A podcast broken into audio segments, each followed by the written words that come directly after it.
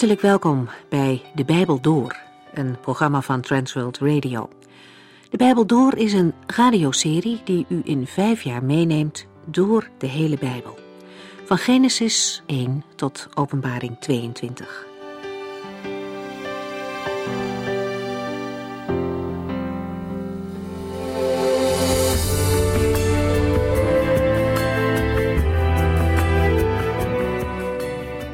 In nummer hoofdstuk 27 komen er vijf vrouwen naar voren.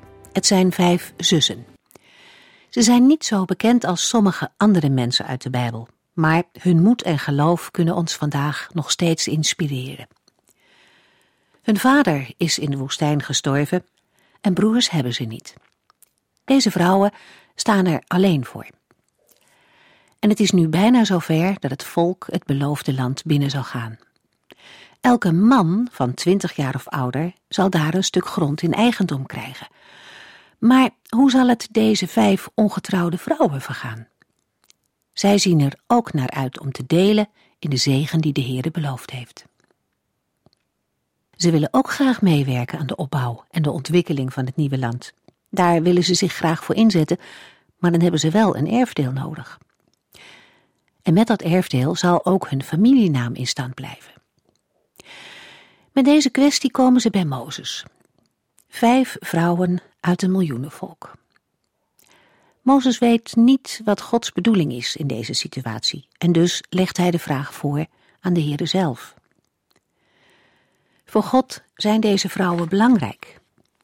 Er gebeurt van alles over de hele aarde, maar de Heere hoort deze paar vrouwen en heeft aandacht voor hun probleem. Hij stelt hen in het gelijk. Zij mogen een deel van hun vader erven. Wat zullen die zussen blij geweest zijn op de terugweg naar hun tent. Deze vrouwen, die niet aan de kant wilden staan, maar onder Gods volk volop bezig willen zijn. En ze krijgen daar dus ook de ruimte voor van God. Als de aanvullende zaken rondom het erfrecht geregeld zijn, zegt de Heer dat Mozes het gebergte Abarim moet beklimmen. Vanaf de berg Nebo mag hij het beloofde land zien en daarna zal hij sterven.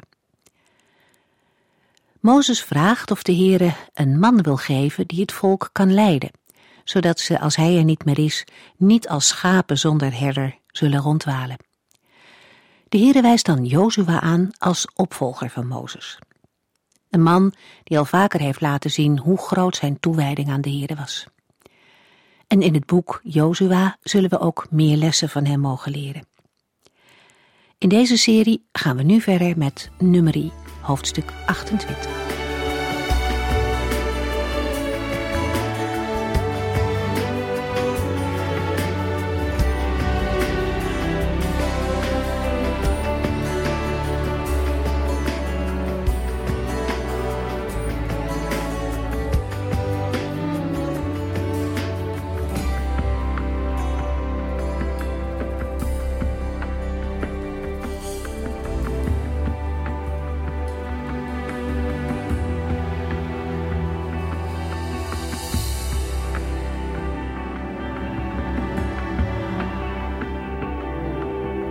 Nummer 28 en 29 geven een opsomming van de offers die op de feesttijden van Israël gebracht moeten worden. Het gaat dan niet zozeer om de feesten als zodanig, die kwamen in Leviticus 23 al aan de orde en worden in deze hoofdstukken van Numeri bekend verondersteld. Ook worden de bepalingen ten aanzien van de spijs- of herkenningsoffers en de drank- of plengoffers, die het brandoffer begeleiden, in nummer 28 en 29 consequent toegepast. Tussen de inleiding, nummer 28, vers 1 en 2, en de conclusie, nummer 29, vers 39 en 40, vinden we eerst de dagelijks, wekelijks en maandelijks terugkerende offers, en daarna de offers bij de verschillende jaarlijks terugkerende feesten. Net als in Leviticus 23 worden eerst de voorjaarsfeesten behandeld en daarna de najaarsfeesten, met bijzondere aandacht voor het Loofhuttenfeest. De voorschriften in nummer 28 en 29 worden ingeleid met de vermelding dat de Heere de nu volgende instructies aan Mozes gaf. Hij spreekt tot Mozes en Mozes moet de Israëlieten opdragen ervoor te zorgen dat ze op de vastgestelde tijden offers brengen aan de Heere. Vers 2. De offers worden omschreven als mijn offers, mijn voedsel, als mijn voedselgave, mijn lieflijke, dat wil zeggen rustgevende geur. Of zoals we het in het boek lezen, de offers doen mij een groot genoegen. Wat die vastgestelde tijden voor de offers zijn, wordt in nummer 28 en 29 verder uitgewerkt. Nummer 28, vers 3. Als u mij een brandoffer brengt, moet u eenjarige lammeren zonder gebrek nemen. Elke dag moeten twee lammeren worden geofferd als een regelmatig brandoffer. De eerste woorden van vers 3 vormen een nieuw begin als inleiding op de opsomming van voedselgaven die de Here toekomen. Vers 3 functioneert niet alleen als nieuw begin van een gedeelte waarin de dagelijkse brandoffers aan de orde komen, maar heeft betrekking op alle offers in nummer 28 en 29. Nummer 29 vers 40 vermeldt dat Mozes deze instructies inderdaad aan het volk doorgeeft, zoals de Heere hem had opgedragen. In de eerste plaats betreffen de instructies de dagelijkse offers. Iedere dag moet in de ochtend en tegen de avond een gaaf eenjarig lam als brandoffer geofferd worden. Het morgen- en avondoffer moet altijd gebracht worden, ook op de sabbat, nieuwe maan en andere feestdagen. Dat wil zeggen dat de specifieke offers voor die dagen naast de gewone dagelijkse offers worden gebracht. Vers 10 en 23. Daarmee vormen het morgen- en avondoffer de basis van de eredienst in Israël. Overeenkomstig eerder gegeven voorschriften, nummer 15, moet het brandoffer gepaard gaan met een spijsoffer. De genoemde hoeveelheden in vers 5 en 7 komen overeen met al eerder gegeven voorschriften. Nummer 28, vers 6. Dit is het brandoffer dat op de berg Sinaï is ingesteld om regelmatig te worden geofferd als een aangename geur, een vuuroffer voor de Heer. De vermelding van deze offers, die samen met het brandoffer gebracht moeten worden, wordt onderbroken door een nadrukkelijke verwijzing naar de instelling van het morgen- en avondoffer tijdens het verblijf van het volk Israël bij de Sinaï. Exodus 29. Exodus 29, vers 38 tot en met 46, spreekt over de instelling van deze offers, maar vermeldt niet dat ze ook daadwerkelijk werden gebracht. Dat is geen probleem, omdat de instelling van het brandoffer bij de Sinaï inhoudt dat dit offer ook daadwerkelijk gebracht moet worden zodra dit mogelijk is. Dat wil zeggen, na de oprichting van de tabernakel en de inwijding van het brandofferaltaar. Vers 8 vermeldt dat de bepalingen ook gelden voor het avondoffer. Ook bij het avondoffer geldt dat het brandoffer gepaard moet gaan met een spijs- en drankoffer, overeenkomstig de bepalingen van nummer 15. Nummer 28, vers 9 en 10. Op de sabbat moeten, naast de normale offers, twee eenjarige lammeren worden geofferd. De sabbat, de zevende dag van de week, is voor de Israëlieten een wekelijks terugkerende feestdag. Op de sabbat moet een brandoffer gebracht worden, dat bestaat uit twee gave eenjarige lammeren met de bijbehorende spijs- en drankoffers. Dit brandoffer is een extra offer dat iedere sabbat naast de dagelijkse offers wordt gebracht, vermoedelijk direct erna. De offers van nummer 28 vers 9 tot en met 29 vers 38 worden in de Joodse overlevering aangeduid als musaf-offers, dat wil zeggen toegevoegde offers. De omvang van het sabbatsoffer is even groot als het ochtend- en avondoffer bij elkaar. Volgens sommige uitleggers ging het brengen van het sabbatsoffer in latere tijd gepaard met het zingen van één of meer liederen, waaronder wellicht Psalm 92, een lied voor de Sabbatdag. In Qumran en op Masada zijn fragmenten gevonden van een rol met liederen voorbij het Sabbatsoffer. voor dertien opeenvolgende sabbatten. De liederen zijn waarschijnlijk gedicht door de gemeenschap die leefde in Qumran.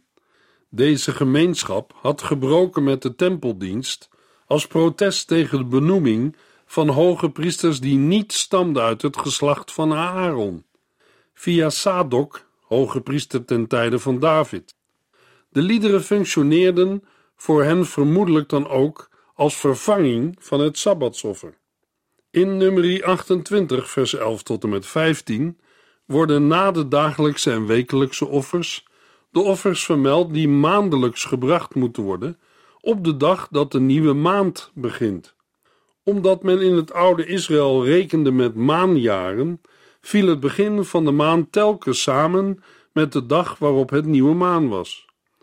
Een maand gebaseerd op de stand van de maan duurt tussen de 29 of 30 dagen, afhankelijk van een afronding. Naast het brandoffer moet op nieuwe maan ook een zond- of reinigingsoffer worden gebracht, bestaande uit één geitenbok. Het zondoffer heeft in deze context de functie het volk en de tabernakel van onreinheid te zuiveren, die ontstaan is door onbewuste zonde van of door het volk. In de opsomming van feesten in Leviticus 23 komt het feest ter gelegenheid van nieuwe maan niet voor, maar we vinden het wel vermeld in nummer 10, waar de Israëlieten de opdracht krijgen de offers op feesten en nieuwe maan vergezeld te laten gaan van trompetgeschal. Ook op andere plaatsen in het Oude Testament wordt het nieuwe maansfeest als bekend verondersteld. 1 Samuel 20 vers 5. En soms in één adem genoemd met de Sabbat als regelmatig terugkerende feestdag. In de versen 16 tot en met 25 volgen de instructies voor Pesach, het Joodse paasfeest, en de offers bij het feest van de ongezuurde broden. Pesach gedenkt de uittocht uit Egypte en markeert het begin van de nieuwe kalender die de Israëlieten bij hun vertrek uit Egypte moesten aannemen. Exodus 12. Het is logisch dat het paasoffer hier niet wordt genoemd, omdat het geen offer is dat door het volk als geheel wordt gebracht, maar door elk gezin afzonderlijk. Pesach wordt hier vooral genoemd voor de volledigheid. Vanaf vers 17 gaat het over het feest van de ongezuurde broden, dat aansluitend aan Pascha gedurende zeven dagen wordt gevierd. De eerste dag van het feest is de belangrijkste. Het heilige karakter van deze feestdag wordt onderstreept doordat de Israëlieten op die dag samenkomen en niet mogen werken. In nummer 28 gaat het niet zozeer om de algemene bepalingen voor het feest, maar om de specifieke voorschriften voor de offers die tijdens het feest gebracht moeten worden. Net als bij het sabbatsoffer en het nieuwe maansoffer wordt uitdrukkelijk vermeld dat het gaat om een extra offer, dat het dagelijks morgen- en avondoffer niet vervangt. Vers 23. De offers moeten niet alleen gebracht worden op de eerste dag van het feest, maar op elk van de zeven dagen van het feest. Het laatste voorjaarsfeest, waarbij offers gebracht moeten worden, is het aanbieden van de eerste opbrengst van de oogst op het wekenfeest. Hier moeten we niet denken aan de schoof die op de dag na Pesach aan de Here wordt aangeboden, Leviticus 23 vers 11. Op die dag wordt ook een brandoffer met bijbehorend spijs- en drankoffer gebracht. Maar dat is al in Leviticus 23 vers 12 en 13 omschreven. Het gaat vanaf vers 26 om het wekenfeest dat zeven weken na het aanbieden van de eerste schoof gevierd wordt en waarop twee broden, gebakken van het fijn meel met zuurdeeg, als eerstelingen aan de heren worden gebracht. Leviticus 23 vers 17. Het wekenfeest vindt vijftig dagen na Pesach plaats en is Pinksteren gaan heten, naar het Griekse woord voor vijftig, Pentecoste. De offers van het wekenfeest moeten gebracht worden in aanvulling op de dagelijkse morgen- en avondoffers. Vers 31. Het moet, evenals de andere offers, bestaan uit gave dieren en in overeenstemming met de eerder gegeven bepalingen. Nu, in nummer 28 de offers voor de voorjaarsfeesten zijn behandeld, verschuift de aandacht in nummer 29 naar de najaarsfeesten in de zevende maand. Het eerste najaarsfeest is het feest van de bazuinen. Het Hebreeuwse woord dat in het boek is vertaald met bazuin betekent meestal gejuich, vooral in de context van oorlog of strijd. Maar het kan ook geschal of luid signaal van een shofar of een trompet betekenen. Op grond van Leviticus 23, vers 24 moeten we in nummer 29 aan geschal denken. Vandaar de vertaling bazuin. Op het feest van de bazuinen blies men de shofar. Psalm 81, vers 4. Mogelijk naast de trompetten die op elke feestdag en nieuwe maan werden geblazen. Nummer 10, vers 10. In ieder geval werden de shofar en de trompetten aan het begin van onze jaartelling beide geblazen. Zeker vanaf de tijd van de Maccabeën wordt deze dag gezien als de eerste dag van het nieuwe jaar. Het feest wordt gevierd op de eerste dag van de zevende maand. Ook tijdens deze feestdag komen de Israëlieten samen en mogen zij geen werk verrichten. Op deze dubbele feestdag, het begin van de zevende maand, als het ware een sabbatsmaand, waarin verschillende feesten vallen, worden veel offers gebracht. Al deze offers gelden als zeer aangenaam voor de Heere, en de Heere zal deze offers op prijs stellen en er genoegen aan beleven. In vers 7 tot en met 11 komen de offers voor Grote Verzoendag aan de orde. Nummer 29, vers 7. Tien dagen later moet opnieuw een bijeenkomst voor het hele volk worden gehouden. Dit zal een dag van inkeer en zelfvernedering voor de Heere zijn, en er mag niet worden gewerkt. Ook het dagelijks morgen- en avondoffer, met bijbehorende spijs- en drankoffers, worden op grote verzoendag gewoon gebracht. Het laatste feest dat in nummer 29 wordt genoemd is het Loofhuttenfeest, dat eerder al is gekarakteriseerd als het inzamelingsfeest, het feest van de inzameling van de oogst. Het verblijf in loofhutten moet herinneren aan de woestijntijd, toen Israël woonde in tijdelijke onderkomens. Leviticus 23, vers 42 en 43. Het zeer grote aantal offers dat gedurende het feest gebracht moet worden en de hoge waarde die ze vertegenwoordigen, met name de stieren, onderstreept dat dit het belangrijkste feest is dat Israël als volk viert. Ook Pesach is een belangrijk feest, maar dat wordt niet als volk gevierd, maar in gezinsverband per huishouden. Het totaal aantal dieren dat tijdens en in verband met het Loofhuttenfeest als brandoffer aan de Heere wordt aangeboden, komt uit op 70 stieren, 14 rammen, 7 maal 14 eenjarige lammeren, 7 stieren op de zevende dag van het feest. Vers 32. Zo wordt het uitbundige karakter van het Loofhuttenfeest onderstreept en wordt benadrukt dat de Heere alleen de dank toekomt voor de rijke gaven die hij geeft. Daarnaast gaat ook het dagelijks morgen- en avondoffer gewoon door, en ook het sabbatsoffer op de sabbat. De feestoffers komen daarvoor niet in de plaats. De achtste dag, die niet meer bij het eigenlijke Loofhuttenfeest hoort, maar er wel de afsluiting van vormt, is net als de eerste dag een plechtige feestdag waarop niet mag worden gewerkt vers 35. Ook voor deze dag zijn offers voorgeschreven, vers 36 tot en met 38. De versen 39 en 40 vormen een onderschrift bij de hele offerkalender van Israël en sluiten deze af. Nummer 29, vers 40. En Mozes gaf al deze instructies aan het volk Israël door, zoals de Heere hem had opgedragen. De offerkalender benadrukt de centrale plaats van de Heere te midden van zijn volk. Het brandoffer spreekt van volkomen toewijding aan de Heere.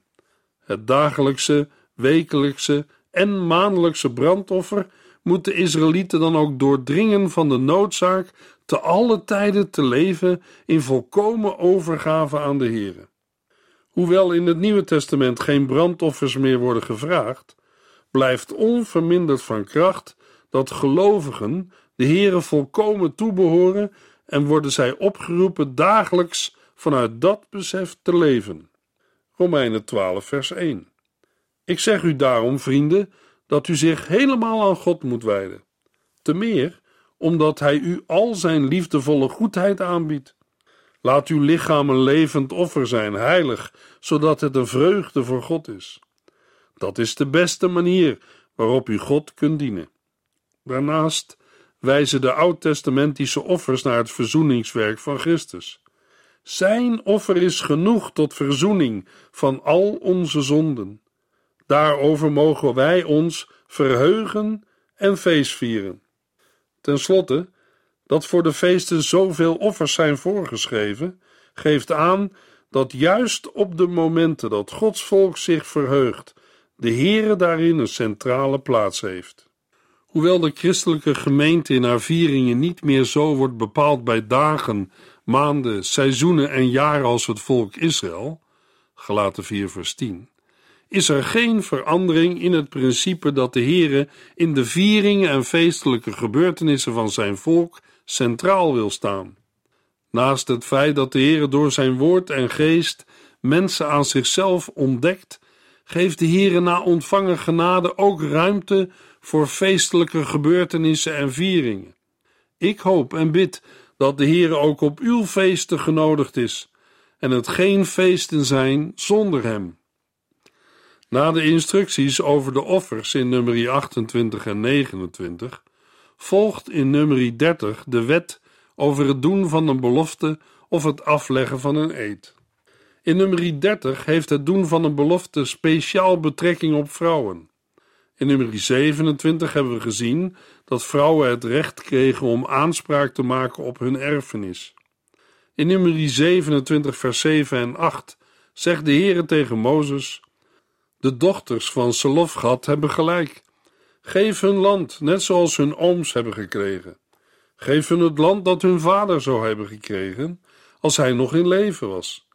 En zeg tegen het volk dat als iemand sterft zonder zonen te hebben, zijn erfenis overgaat op zijn dochters.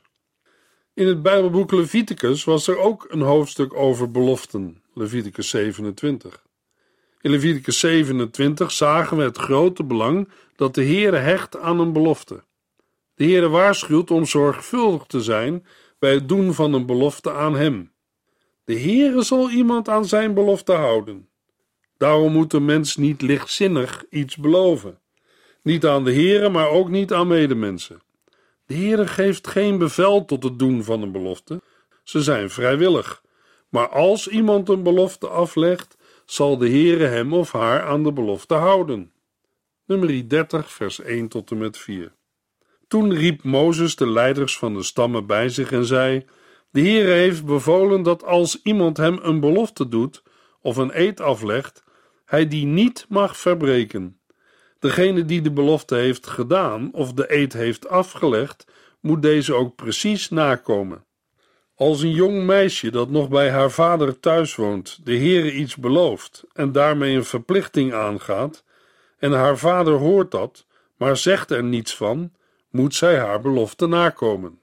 Het is opvallend dat in het laatste hoofddeel van het Bijbelboek Numeri, dat in het teken staat van de laatste voorbereidingen voor de inname van het beloofde land, bepalingen met betrekking tot vrouwen een bijzondere plaats innemen. We hebben ze gelezen in nummer 27 en nu in nummer 30 en straks aan het eind van het hoofddeel in nummer 36. Ze kaderen het laatste hoofddeel van nummer in. Een bewuste keuze die duidelijk maakt dat ook vrouwen, die in het Oud-Oosters recht vaak een ondergeschikte plaats innemen, ten volle mogen delen in Gods beloften van het beloofde land. Wanneer een man een belofte doet of een eed aflegt, dient hij deze onverkort in te lossen. Het uitspreken van de belofte maakt deze geldig. Of dit nu wel overwogen gebeurt of ondoordacht. Dat is het algemene principe en er hoeft niet verder over worden uitgeweid. Wanneer een vrouw een belofte doet, is de situatie ingewikkelder. In de regel moet ook zij haar belofte inlossen. Maar wanneer haar vader of echtgenoot, naar oud-Oosters recht staat zij onder het gezag van een van beiden, bezwaar maakt, wordt zij van die verplichting ontslagen. De belofte is niet bindend. Nummer 30, vers 5. Maar als haar vader haar verbiedt de belofte na te komen, of als hij vindt dat de voorwaarden te zwaar zijn, vervalt daardoor haar belofte. Haar vader moet het haar verbieden op de dag waarop hij voor het eerst van de belofte hoort. Dan zal de Heer haar vergeven, omdat haar vader weigerde zijn toestemming te geven. Een tweede situatie die genoemd wordt is dat een vrouw in ongehuwde staat een belofte heeft gedaan ten opzichte van de Heer, die door haar vader kennelijk niet is geweigerd, maar op de huwelijksdag nog niet is ingelost. Wanneer haar echtgenoot van deze belofte hoort en deze op dat moment niet tegenspreekt, dan is de vrouw gebonden haar belofte in te lossen. Maakt de echtgenoot bezwaar, dan is daarmee haar belofte of onbezonnen eed ongeldig geworden en houdt de Heere de vrouw niet verantwoordelijk. Nummer 30, vers 9. Maar als de vrouw weduwe is of gescheiden, moet ze haar belofte nakomen. Een andere situatie doet zich voor in het geval een vrouw weduwe is of haar man van haar gescheiden is. Een weduwe of gescheiden vrouw keerde vaak terug naar het huis van haar vader wanneer die nog in leven was, of zij viel onder de zorg van haar broers of oudste zoon. Toch hebben deze vrouwen een andere positie dan voordat zij gehuwd waren. De vader, broer of zoon kan de belofte die zij doet niet ongedaan maken. De vrouw moet haar belofte nakomen. Vanaf vers 10 is de situatie aan de orde van een gehuwde vrouw die een belofte doet of een eed aflegt. Wanneer haar man ervan hoort en geen bezwaar maakt, dan moet de vrouw haar belofte nakomen. De laatste versen onderstrepen ook dat de man weliswaar de mogelijkheid heeft de belofte van zijn vrouw te bekrachtigen of te niet te doen, maar dat hij daar niet onbeperkte tijd voor heeft. Wanneer hij een etmaal lang overzwijgt, stemt hij ermee in en blijft de belofte van kracht. Hij kan zich niet beroepen op zijn stilzwijgen om later de belofte van zijn vrouw alsnog te niet te doen. Doet hij dat toch, dan draagt hij en niet zijn vrouw de schuld voor het feit dat zij haar belofte niet na kan komen. Het laatste vers, nummer 30, vers 16, zet de voorgaande bepalingen in het kader van sociale verhoudingen. Ze zijn bedoeld om de verhouding te regelen tussen echtgenoten en tussen een vader en zijn jonge, nog ongehuwde dochter. De Heere wil dat zijn volk en kinderen zich altijd aan zijn woord houden. Hij houdt zijn belofte en verwacht dat ook van zijn kinderen. In de volgende uitzending lezen we nummer 31 tot en met 36.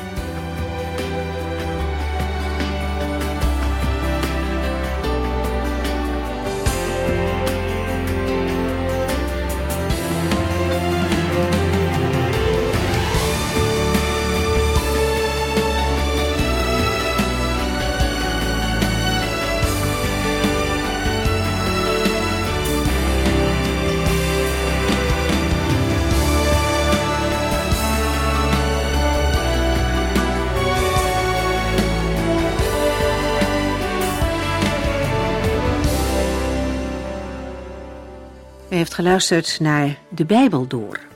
In het Nederlands vertaald en bewerkt door Transworld Radio. Een programma waarin we in vijf jaar tijd de hele Bijbel doorgaan. Als u wilt reageren op deze uitzending of u heeft vragen, dan kunt u contact met ons opnemen. Tijdens kantooruren kunt u bellen op 0342 47 8432. 0342 47 8432. 32. Ook kunt u een e-mail sturen naar de Bijbel door transworldradio.nl en natuurlijk kunt u ook via de post ons bereiken. TWR, postbus 371, postcode 3770, AJ in Barneveld. Dit programma werd gepresenteerd door Cor Weda en Ike André. Techniek was in handen van Odin van Woerdekom. En wij allemaal bedanken u voor het luisteren. Graag tot de volgende keer.